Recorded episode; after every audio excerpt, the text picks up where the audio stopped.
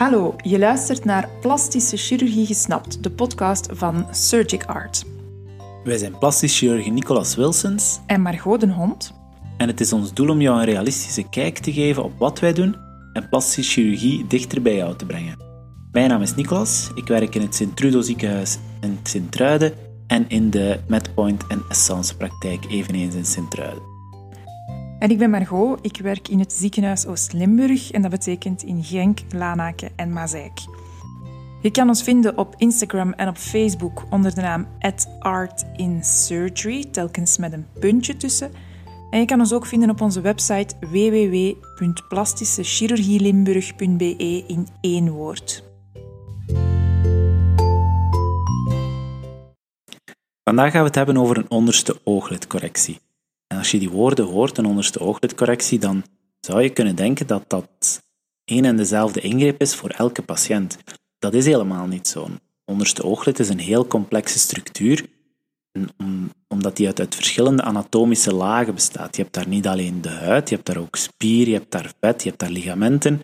En elk van die verschillende onderdelen kan, kan eigenlijk een probleem geven of kan aan de buitenkant een, een, een esthetische of een esthetische weerslag hebben die mensen niet zo graag zien en waar, waarvoor dat ze naar ons komen om te vragen, kan je daar iets aan doen? En al die verschillende zaken valt eigenlijk onder de algemene noemer van een onderste ooglidcorrectie. Je kan bijvoorbeeld eventjes een, een spiegel bij de hand nemen of even in de, in de spiegel van je auto kijken, maar opletten dat je nergens tegenrijdt. Ehm, en even, even je onderste ooglid bestuderen. En dan, dan ga je bijvoorbeeld kunnen zien, als je naar de huid kijkt, dat er daar soms een paar rimpeltjes in te zien zijn, dat daar misschien wat vocht in opstapelt. Je kan eens tussen je vingers nemen en eens, eens voelen hoe laks die is. En bijvoorbeeld als je, daar, als je je ogen sluit en daar een beetje aan trekt, ga je, gaat je oog dan open of blijft dat toe? Ehm, ik kan ook even, als, als je daar inderdaad wat... Dat is ook een test die wij, die wij uitvoeren, is een snaptest, waarbij je de huid van je onderste ooglid even vastneemt en naar voren trekt, en dan eigenlijk bestudeert hoe ver de, de wimperrand van je oog komt af te staan. Omdat dat een beetje, dat geeft, een, dat geeft weer in welke mate dat er sprake is van laxiteit van je onderste ooglid. Ehm, en dat zijn allemaal dingen die we moeten meenemen in de beslissing van welke techniek, welke procedure is voor jou de beste. Een ander element waar je naar kan kijken, is de grens waar je onderste ooglid overgaat naar je wang. Het kan zijn dat daar, dat daar een, een goot ontstaan is, een deukje ontstaan is, en dat dat hetgene is dat jou het meeste stoort. Ehm, dat de huid op zich oké is, maar dat, dat, je, dat je vooral stoort aan die goot. En al die verschillende zaken vereisen een andere aanpak. Maar daar gaat Margot nog ietsje meer over vertellen. Ja, als wij iemand zien op de raadpleging die de vraag stelt naar een onderste ooglidcorrectie, dan is in de eerste plaats onze taak om heel goed te luisteren wat juist stoort voor die meneer of mevrouw. Wat is hetgene als zij in de spiegel kijken, en dan gaan we inderdaad samen in de spiegel kijken, wat opvalt, waar, daar ze, niet, waar ze niet naast kunnen kijken, waar ze elke dag op eh, opvallen. En dat kan zijn dat dat de huid is, dat er een huidoverschot is, waardoor er rimpels zich vormen. Zo'n huidoverschot met verouderen, we weten dat dat eigenlijk vooral relatief is. Het is eigenlijk eerder, veroudering is een resultaat van het, met een moeilijk woord zeggen we deflatie, of het, het verlie- verlies van volume van de zachte weefsels onder de huid, die ervoor gaan zorgen dat we een relatief huidoverschot hebben. Maar we moeten oppassen, we komen daar later op terug, om dan gewoon te gaan zeggen van we gaan die huid wegsnijden. Want dat op zich dat heeft ook grote risico's. Het is belangrijker om de weefsels onder de huid om die goed te gaan vullen. Een tweede ding van de huid is dat hij in rimpeltjes kan trekken, onze kraaienpootjes bijvoorbeeld. Dat zijn rimpeltjes die ontstaan door te lachen. Dat is helemaal normaal. Dat is helemaal oké. Maar naarmate de jaren vorderen, gaan die rimpels die in het begin alleen ontstaan dynamisch, als we lachen, gaan die ook een, een statisch aspect krijgen en gaan die aanwezig blijven, groeven blijven vormen. Die kraaienpootjes worden dus gevormd door de spier. En de spier dat is een structuur die dat we onmiddellijk onder de huid terugvinden. En dan hebben we een complexe combinatie van verschillende ligamenten en compartimenten waar vetweefsel in zit in ons oog. En die samen uh, het onderste ooglid vormen. Kan een zwelling hebben ter hoogte van de onderste oogleden, wat vaak wallen wordt genoemd. En dat is dikwijls een, een, het gevolg van vetweefsel dat lokaal in het onderste ooglid, boven de oogkastrand, dus als je voelt aan jouw onderste ooglid, dan voel je op een gegeven moment het bot, de oogkas. Uh, maar daarboven, als daar vetweefsel in zit, dat gaat uitpuilen door het vliesje, dan kan dat wallen geven, een lokale zwelling. Dus als er vetweefsel uitpuilt, dan kunnen we dat vetweefsel losmaken, eventueel een beetje van dat vetweefsel dat zich in de oogkas bevindt wegnemen of verplaatsen.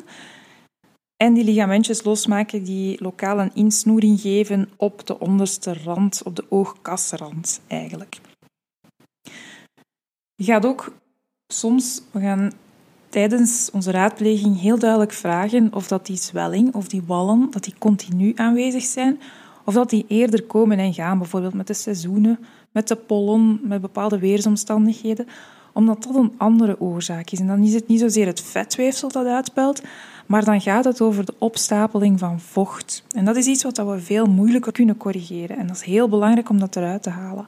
Iemand die een, eh, een allergische constitutie heeft, iemand die vocht opstapelt in de oogleden ten gevolge van een allergie, dat, dat zijn de karakteristieken van het weefsel en dat kunnen we helaas niet veranderen.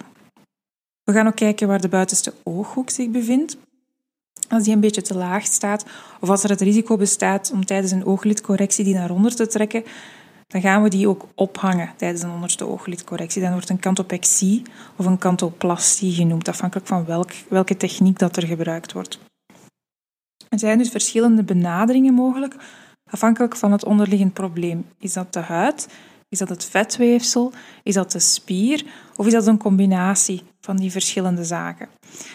Als er echt een huidoverschot is, dan gaan we dat discreet wegnemen. Maar we mogen dat nooit in dezelfde mate wegnemen als bij een bovenste ooglid. Want als we te veel wegnemen, dan trekken we het oog open en dan is een sluiting niet meer mogelijk. En dan krijg je, ofwel, we noemen dat een scleral show, waarbij dat het oog wit onder de iris zichtbaar wordt. Of zelfs een echt ectropion, waarbij dat het oog, de onderste ooglidrand en de wimpers naar buiten gaan komen en dat soms oogsluiting zelfs bemoeilijkt is. Het is dus heel belangrijk dat wij een juiste analyse maken van het probleem. Algemeen weten we dat die verschillende technieken combineren, dat het een beter resultaat geeft dan elke techniek afzonderlijk toe te passen. We zeggen wel dat er sprake is van synergie of 1 plus 1 is 3 als we meerdere zaken gaan combineren om een onderste ooglid op te frissen. En wat we vaak gaan combineren, dat is ook uh, een lipofilling. Een lipofilling of het toevoegen van vetweefsel van volume. Dat kan een beetje contradictorisch klinken, want we hebben net gezegd dat het vetweefsel in het onderste ooglid, dat we dat willen herschikken of soms zelfs een beetje wegnemen. En dat, dan hebben we het over het vetweefsel boven de oogkasrand. Als we kijken naar een lipofilling, dan kijken we naar de overgang op die oogkasrand naar de wang. Een teken van ouder worden is dat we dat volume verliezen en dat we dus ter hoogte van de wang ook een deel van het vetweefsel eh, kwijt gaan zijn. En door dat te vullen gaan we een veel jeugdigere look creëren, want weefsel wegsnijden dat leidt tot een uitholling. Een uitholling dat is een teken van verouderen. En een jeugdig ooglid is gevuld is jong, heeft geen insnoeringen van de ligamenten, maar is wel gevuld. En dat gaan we proberen te bereiken met lipofilling. Lipofilling kan gaan over het vullen met microfat. Dan gaan we echt volume willen toevoegen aan de onderste oogleden. Dat kan ook aan de bovenste oogleden. Lipofilling kan ook met nanovet, waarbij een speciale techniek wordt gebruikt om het vetweefsel zodanig te bewerken dat de stamcellen overblijven, dat de vetcellen zelf vernietigd worden en dat er dus geen volumecomponent meer is aan die vulling, maar dat de stamcellen overblijven. En heel specifiek voor donkere kringen onder de oogleden heeft die techniek aangetoond dat dat een gunstig resultaat kan opleveren. Donkere kringen aan de onderste oogleden zijn vaak het resultaat van een heel dunne huid, waar de kleur van de spier doorschemert. En door die lipofilling met nanovet zien we dat er op termijn, het is wel een effect waar je voldoende lang op moet wachten, 9 tot 12 maanden, zien we dat die donkere kringen kunnen, ehm, kunnen verbeterd worden. Maar er zijn eigenlijk heel veel verschillende technieken. Hè. En het is misschien te technisch om in detail te gaan over die verschillende technieken ja, patiënten schrikken daar soms van. Hè. Als die bij ons op consultatie komen en ze komen voor probleem X en we vertellen hen van daar kunnen we eventueel wel iets aan doen. Maar het resultaat gaat nog veel beter zijn als we ook dat aanpakken. Ehm, en, en dan merk ik dat, dat patiënten daar soms van, van terugdeinzen van ja, dat, dat, daar heb ik helemaal niet achter gevraagd. En dat is een terechte reactie. We weten ook dat we dat niet zomaar voorstellen. Dat we dat alleen maar voorstellen als we denken dat we daar dat het eindresultaat beter gaat zijn door de twee te combineren. Ja, inderdaad, dat klopt. Nu, ik denk dat je nog iets wil zeggen over de verschillende incisies. Ja, de verschillende soorten littekens die wij maken. Bij een onderste ooglid kunnen we littekens op verschillende plaatsen leggen. Hangt er ook nieuw, opnieuw vanaf waar het probleem juist zit. Als we huid gaan wegnemen, dan gaan we een littekentje net onder de onderste wimperrand leggen, zodat het op termijn zo zacht mogelijk geneest, zo weinig mogelijk zichtbaar is. Als we geen huid gaan wegnemen, dan bestaat er zelfs een nog elegantere manier. En dan kunnen we een littekentje leggen aan de binnenkant. Aan de binnenkant achter de wimpers, eigenlijk in het slijmvlies dat tegen de oogbol zit. Dus dat ga je niet zien, dat gaat niet zichtbaar zijn aan de buitenkant. Als er echt sprake is van festoons, waarbij de kringspier rond het oog helemaal is uitgezakt tot onder de oogkastrand, dan moeten we soms een litteken leggen dat over de oogkastrand loopt. En in geselecteerde gevallen kan dat ook, um, mits dat dat juist gehecht wordt en juist gepositioneerd wordt, kan dat ook heel gunstig uitdelen. Je zal ondertussen wel al gemerkt hebben dat een onderste ooglidcorrectie heel wat ingewikkelder is dan, dan, dan wat de term doet uitschijnen. En dat is ook zo. Het is bijvoorbeeld veel ingewikkelder dan een bovenste ooglidcorrectie. De twee worden wel degelijk vaak gecombineerd. Dat is ook de reden dat, althans voor ons, dat een ingreep is die we niet graag onder lokale verdoving uitvoeren. In tegenstelling tot een bovenste ooglidcorrectie. Er zijn verschillende redenen waarom dat we dat alleen maar onder een, algemene narcose doen. Maar de voornaamste is eigenlijk gewoon het comfort voor zowel de patiënt als voor ons. En als het, als het maar een klein beetje huid wegsnijden is van, van het onderste ooglid, dan zou dat onder lokale verdoving kunnen. Eh, maar vaak is het meer dan dat. Zeker als we bijvoorbeeld door het slijmvlies van het onderste ooglid moeten, langs de binnenkant. Dat is helemaal niet aangenaam. Niet voor de chirurg, maar zeker niet voor de patiënt om, uh, om dat onder lokale verdoving te doen. Nee, inderdaad. En dat brengt ons bij wat er kan mislopen. Wat zijn de risico's van een onderste ooglid? Wat dat toch niet min is waar we zeker ook aandacht aan willen besteden. Elke operatie, maakt niet uit hoe groot of hoe klein ze is, heeft het risico op wondproblemen, op infectie, op littekenproblemen, op bloeding. Specifiek voor een onderste ooglid, een bloeding, meestal is dat zelflimiterend, is dat beperkt. In het meest ernstige geval, wat dat zeer zelden is, dat is een bloeding die zich naar binnen richt, waar dat die eigenlijk vast komt te zitten en op de oogzenuw kan duwen. En dat is een urgentie en dat is iets waar dat onmiddellijk bij moet gereageerd worden. Als een patiënt bijvoorbeeld zeer veel pijn heeft bij oogbewegingen of zwarte vlekjes begint te zien, als er iets abnormaal is, dan moeten we dat onmiddellijk ook serieus nemen. Je gaat sowieso blauw zien na een operatie. Na elke onderste ooglidcorrectie ga je grote blauwe plekken hebben. Die gaan een week à twee weken ter plaatse blijven. Dus dat is ook belangrijk om daar naar de planning toe van een eventuele ingreep rekening mee te houden. Een infectie een onderste ooglid dat is heel zeldzaam. Omdat die zone zo goed doorbloed is, is ook wel relatief goed beschermd tegen infectie. Een asymmetrie, dat is ook wat iets wat eigen is aan elke operatie. Maar een perfecte symmetrie, links versus rechts, dat bestaat niet. Daarom is het dat is ook een van de redenen waarom wij voor de ingreep foto's nemen. Niemand van ons is perfect symmetrisch. Als we de meetlat ernaast gaan leggen en tot op de cijfers na de komma het aantal millimeters gaan nameten, dan gaan we altijd een verschil zien links en rechts. En zo kan dat na een ingreep ook zijn. Wat dat ook perfect oké is. En ook is aangetoond dat een lichte asymmetrie, dat dat perfect normaal is eh, als we naar iemand kijken. Een ander belangrijk iets om te vermelden zijn droge ogen, een dry eye syndroom. Na een ooglidcorrectie, bovenste maar zeker voor onderste, dan kan je verlengd last hebben van droge ogen. Dat kan zich uiten als tranende ogen, ogen die snel geïrriteerd zijn, bijvoorbeeld bij zonlicht, bij de wind. En zeker voor mensen die voor de operatie al last hadden van droge ogen, kan dat erger worden na de operatie. Dus het is heel belangrijk voor ons om daar op voorhand goed op te duiden, daar naar te verwijzen, dat dat kan zijn dat dat erger wordt. Wat dat ook niet mag bijvoorbeeld, is dat wij binnen de zes maanden na oogchirurgie, zoals cataractchirurgie, laserchirurgie, een ooglidcorrectie uitvoeren. Dus daar moet minstens een half jaar tussen zitten.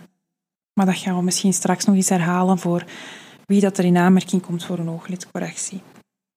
Nu, welke ingreep voor jou gepast is, of welke alternatieve behandeling waar we later nog over spreken, dat gaan we jou pas kunnen zeggen op de consultatie zelf. Maar wat we wel al kunnen zeggen is wie in onze ogen, medisch gezien, dan geen goede kandidaten zijn of minder goede kandidaten zijn. Of die, mensen die toch nog eens twee keer moeten nadenken of, of ze de, ingreep wel willen laten uitvoeren, omdat de risico's toch iets verhoogd zijn. En dat zijn bijvoorbeeld, ja, we hebben het al in verschillende podcasts herhaald, maar dat zijn rokers. Rokers hebben minder doorbloeding, bijgevolg ook minder genezing, hebben ook een slechtere huidkwaliteit en al die zaken leiden er eigenlijk toe dat zij ook een slechtere wondheling zullen hebben. Plus ook voor de lipofilling, als wij een lipofilling uitvoeren bij een roker, dan weten we eigenlijk op voorhand al dat het vetweefsel niet gaat overleven en dat dat een operatie voor niks of toch voor veel minder kan zijn geweest, omdat het vetweefsel geen zuurstof vindt in de omgeving om te overleven. Andere categorie van mensen zijn mensen met scleral show. Maar Margot heeft dat daarnet al even aangehaald. Dat is wanneer je het oog wit kan zien onder de iris, wanneer iemand eigenlijk gewoon recht voor zich uitkijkt, gewoon in rust is, dan, dan zou je dat eigenlijk niet mogen zien. En soms zie je dat wel en dat wijst eigenlijk op een, een verhoogde laxiteit van het onderste ooglid.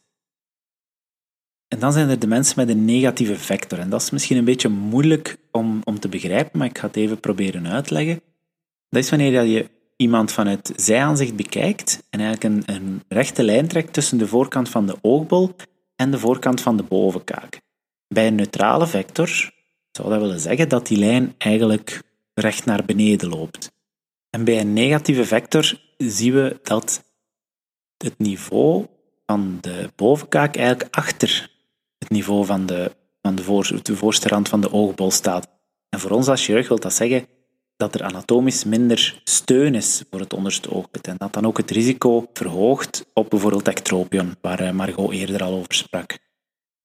Dan hebben we nog de mensen met lakse onderste oogleden. Ik heb al gesproken over die snaptest in het begin. Ehm, hoe hoe, hoe, meer kans of hoe meer risico dat als er zich daar een litteken ontwikkelt, dat het litteken sterker gaat zijn dan, dan de structuren die er al zijn en dus ook kan trekken wanneer we willen dat het net niet trekt. En dan, dit is geen absolute contra-indicatie, maar eerder een relatieve contra-indicatie. Mensen die, die heel veel last hebben van gezwollen oogleden, bijvoorbeeld bij allergieën of, of, of bij de seizoenen, die gaan vaker ook na zo'n ingreep meer last hebben van zwelling. En, en die zwelling minder goed kunnen wegwerken uit die oogleden. Dus dat is toch wel iets om rekening mee te houden. Dus als de beslissing zou genomen worden dat, dat je een ooglidcorrectie laat uitvoeren, wat vinden wij dan belangrijk of waar gaan we zeker op letten? Dat is eerst en vooral rookstop. Rookstop minstens een maand, liefst zelfs nog langer, zodanig dat dat zuurstoftransport terug min of meer kan genormaliseerd worden, dat het effect van jouw operatie ook duidelijk is. Opnieuw, laserchirurgie, andere chirurgie die van de oogbol zelf is gebeurd, die moet minstens zes maanden verwijderd zijn van een ooglidcorrectie van welke aard dan ook. Droge ogen, heb ik daar straks ook al gezegd, iets wat we op voorhand gaan navragen, wat we duidelijk gaan bespreken. En als dat voor de operatie al heel sterk aanwezig is, dan is het misschien geen goed idee om, om door te gaan met die operatie. Wat dat we ook weten, wat een belangrijke is, is dat een ooglidcorrectie, een, een specifiek een onderste ooglidcorrectie, dat het ziekenfonds daar niet in tussen komt. Dus dat wordt beschouwd als een esthetische ingreep, een cosmetische chirurgie. Dat betekent ook dat je alle aspecten van die ingreep zelf dient te bekostigen. Er zijn een paar uitzonderingen waarbij na het verwijderen van een huidtumor bijvoorbeeld of na een complicatie zoals een ectropion, waar een correctie kan uitgevoerd worden. Maar buiten dat is elke chirurgie ter verbetering van een aspect van de onderste oogleden esthetisch van aard. Omdat dat esthetische chirurgie is, is het voor ons ook heel belangrijk dat wij jou minstens twee keer zien en dat voor de operatie, dat je voldoende bedenktijd hebt en dat je duidelijk geïnformeerd bent. Want we gaan immers opereren bij iemand die gezond is of die geen functioneel probleem heeft. Dus het is eens zo belangrijk om daar goed door te gaan en daar goed over na te denken welke stappen dat we gaan zetten. Nu weten we dus waar we, op, waar we op moeten letten voor de operatie. Er zijn ook een paar dingen waar je op moet letten na de operatie. Ehm, als je beslist om die operatie toch te laten uitvoeren, dat is eerst en vooral die zwelling waar we het eerder al over hadden. Hè. Om die zelf zoveel mogelijk te behandelen, is belangrijk om, om je hoofd in hoogstand te plaatsen. Dat wil zeggen altijd hoger dan je hart. Dus als je niet aan het rondwandelen bent kan je, en je zit in de zetel of je ligt neer in bed, probeer dan altijd op een extra kussentje te liggen, zodat je hoofd iets hoger ligt. Verder is het een goed idee om wat koude te leggen en dan liever eh, zes keer tien minuten dan, dan één keer een uur. Nooit rechtstreeks contact met ijs aan de huid, maar eerder iets tussen leggen. Het is belangrijk dat je één à twee weken na de operatie het rustig aan doet. Geen zware activiteiten, niet sporten, niet bukken. Want al die zaken gaan er eigenlijk voor zorgen dat, dat er een hogere bloeddoorstroming is door, de operatie, door het operatiegebied. Dat kan dus meer zwelling, meer uh, bloeding geven. Dat is natuurlijk wat we net willen vermijden. Oogdruppels worden voorgeschreven wanneer het nodig is. Dus zeker bij mensen die een beetje aanleg hebben voor droge ogen, of wanneer we aan de, via de binnenkant van de oogleden hebben geopereerd, zullen we je dat altijd voorstellen. En die blauwe plekken, we hebben het daar straks al eens gezegd, om, dat is een beetje belangrijk voor de planning van de operatie. Die blijven een tweetal weken aanwezig. Die krijgen alle kleuren van de regenboog. Die gaan ook uitzakken richting jouw wang. Dus dat is ook een belangrijke om rekening mee te houden in het begin, dat dat, uh, dat, dat aanwezig is. Ja, dat klopt. Dat is inderdaad iets om rekening mee te houden in je planning. Operaties horen ook meestal hechtingen. Die halen we liefst zelf uit. En voor een bepaald type draadje is dat al na 48 uur, maar die worden niet bij iedereen geplaatst. Voor de hechtingen aan de buitenkant van het ooglid, als er ook huid moest worden verwijderd, is dat na een week. Dat zijn allemaal afspraken die met jou zullen worden gemaakt eh, wanneer je beslist om de ingreep te laten uitvoeren. En wat is er dan nog belangrijk op de iets langere termijn? Een blauwe plek gaat vrij snel wegtrekken, maar zwelling kan verschillende maanden aanwezig blijven. En dat heeft te maken met de lymfedrainage van ons ooglid. En specifiek daar, op die plek, verloopt die wat moeizamer, wordt het vocht moeilijker afgevoerd dan op eender welke andere plek op ons lichaam. Dus een verlengde zwelling is niet heel abnormaal om te zien. En dan spreken we van een aantal maanden. Wat kan helpen is om de oogleden en de littekens specifiek regelmatig te hydrateren en in te masseren. Zodanig enerzijds dat de littekens zo zacht en soepel mogelijk genezen en anderzijds dat het vocht ook uit die zone, van, uit die verlittekende zone, wordt gedraineerd, wordt weggeduwd. Um, en zo dat, die zwelling, dat het verdwijnen van die zwelling iets of wat versneld kan worden. Factor 50, zeker als er littekens zijn extern, maar ook voor bescherming van de huid in, het algemeen, is ook weer heel belangrijk. Een litteken geneest over meer dan een jaar, dus zeker extra aandacht aan geven meer dan een jaar. Maar daarnaast ook voor onze huidbescherming in het algemeen blijven smeren, elke dag als een routine, ook als het slecht weer is. Wat mensen vaak gaan doen, is een grote zonnebril dragen of een hoed. Ook weer als extra bescherming in het begin om die blauwe plekken te beschermen, om de zwelling een beetje te camoufleren. De draadjes gaan er vrij snel uit. De littekentjes genezen aan een gelaat en aan een ooglid snel. Dat is een voordeel. Ook bijvoorbeeld dragen van make-up, dat kan je vrij snel opstarten na het verwijderen van de draadjes. Dat zijn denk ik zo wat de belangrijkste punten voor en na de operatie die we gehad hebben. Hè? Ja, denk het wel. Misschien moeten we toch nog even afsluiten met iets dat we niet uit het oog mogen verliezen. Inderdaad, operatie of geen operatie, dingen die je altijd kan doen om voor jouw huid te zorgen. We hebben het net al eens gezegd, niet roken, hydrateren, hydrateren, hydrateren en factor 50 smeren. Elke dag consistent.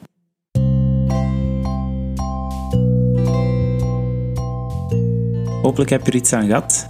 En... Laat ons weten als je nog vragen hebt. Tot de volgende keer. Bye bye. Dankjewel voor het luisteren.